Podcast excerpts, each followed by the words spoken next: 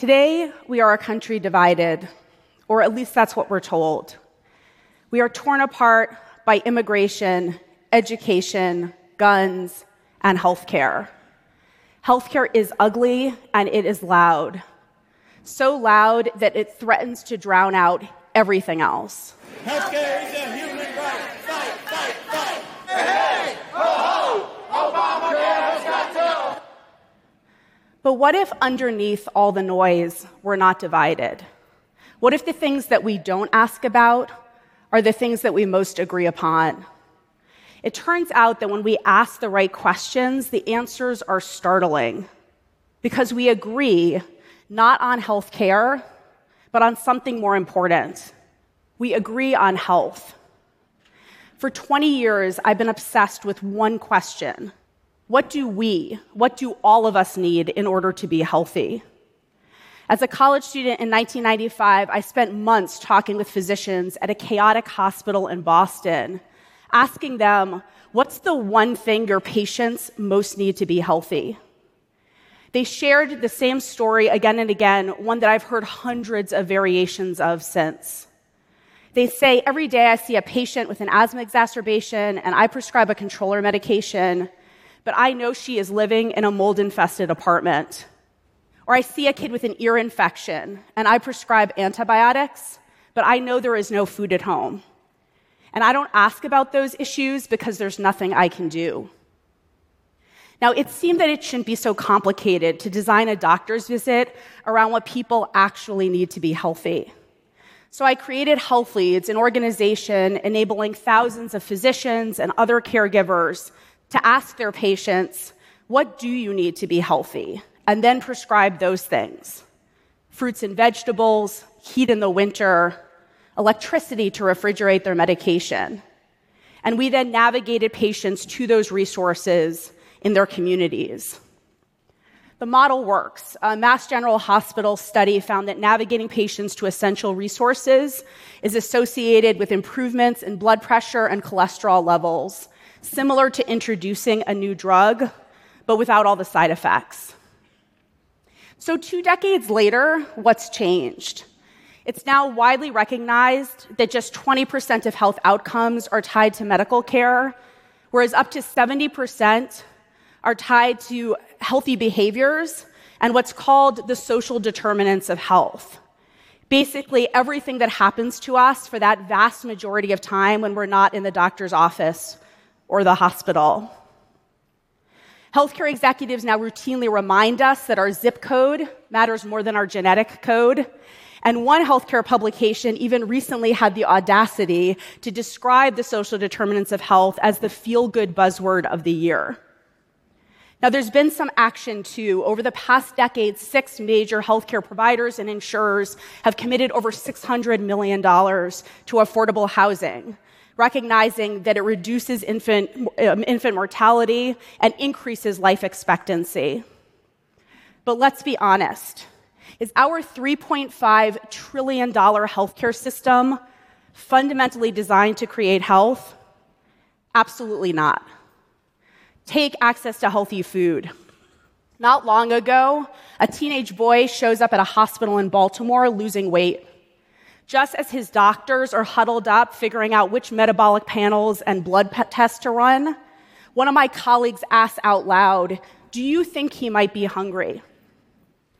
It turned out that this kid had been kicked out of his housing and literally hadn't had a meal in weeks.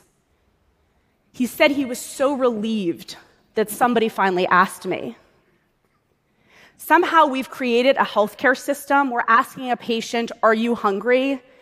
Is so far outside the bounds of what counts as healthcare that we mostly fail or forget to ask altogether. Where doctors lament a hospital's no third sandwich policy meaning that if you're a hungry patient in the ER, you can have only two free sandwiches, but as many MRIs as the doctor orders. Where in 2016 in the state of Texas, they spent $1.2 billion on the medical costs of malnutrition instead of on access to healthy food. Where a Centers for Medicare and Medicaid Services program stratifies hungry patients so that some get access to food and some get information about food with the justification that doing nothing for hungry patients is standard and usual care in this country. And that's just food. The same is true for housing, electricity. The bottom line is healthcare may be changing, but not by enough and certainly not fast enough. We ask the wrong questions of our doctors, of our patients, but also of our citizens. We ask about and argue about healthcare, but how do voters think about health? No one could tell us the answer to that question.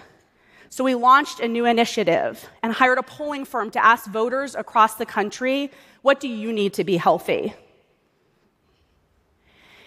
What was so striking about this was that no one has any clue what we are talking about in healthcare.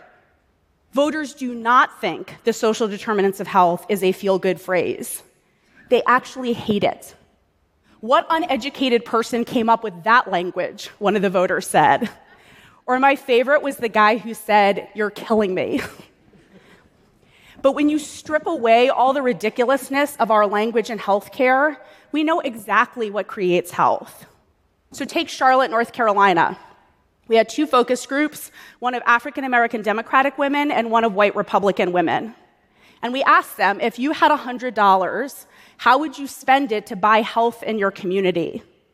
Turns out they agree nearly to the last percentage point. First, they agree that healthcare only sort of impacts health. So they choose to spend the majority of their dollars outside of hospitals and clinics. And second, they agree on what creates health, spending 19% on affordable housing and about 25% on access to healthy food. So I am sure you were thinking this has got to be a fluke, but it's not. White and Latino male swing voters in Seattle, white and African American Democratic voters in Cleveland, white male Republicans in Dallas, low income white Democrats in Hendersonville, North Carolina. Their answers are strikingly similar, with all of them choosing to spend more money on healthy food and safe housing than they would on hospitals and health centers. When you ask the right questions, it becomes pretty clear. We may be fractured on healthcare in this country, but we are unified on health. The thing that I've been struggling with is why. Why do we agree on health? We agree on health because it is common sense. We all know that the things that we need to get healthy, medicine and medical care, are not the things we need to be healthy, to not get sick in the first place. But we also agree because of common experience. In a study of 5,000 patients, 24% of the patients with commercial health insurance, meaning they had a job, still ran out of food or struggled to find housing or transportation or other essential resources. 24%. And we saw the same thing in our focus groups. Nearly every voter knew what it meant to struggle, either themselves or their families or their neighbors. One of those white Republican women in Charlotte was a waitress struggling to stay awake with an enormous big gulp soda. She just looked exhausted. And she was. She told us that she worked two jobs, but still could not afford a membership to the Y. But it was okay that she couldn't go to the gym, she said, because she also could not afford gas and walked 10 miles to and from work every single day. Listening to her, I felt this familiar panic rise in me the residue of my own childhood. When I was 10 years old, my father lay on the living room floor in the grips of one of his many depressions. As I crouched next to him, he told me that he wanted to kill himself. My father lived, but he struggled to work. And my family survived, but we teetered. Down one paycheck, relying on my mom's school teacher's salary. Even as a little kid, I knew we lived in the shadow of financial and emotional collapse. This is really hard to say because it's taken me 25 years to be honest with myself that this is why I do this work. Knowing that my father needed health care to recover, But to be healthy, my family needed something else. We needed a decent income. And knowing, as so many do more than I, that panic when the basics threaten to slip away. To the voters in our focus groups, the solutions were straightforward. As one of those white Republican women in Charlotte said, instead of putting all this money into healthcare, put it into affordable housing. You know, like take it and distribute it differently. It turns out that when you have the right language and you ask the right questions, the answers become remarkably clear and unanimous.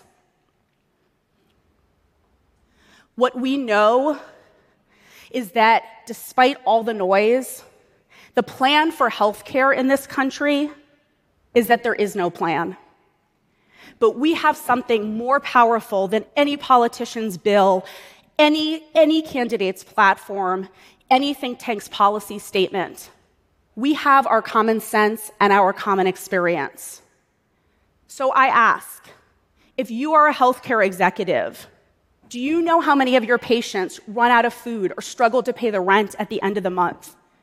Is that data on your scorecard shaping your business and your bonuses?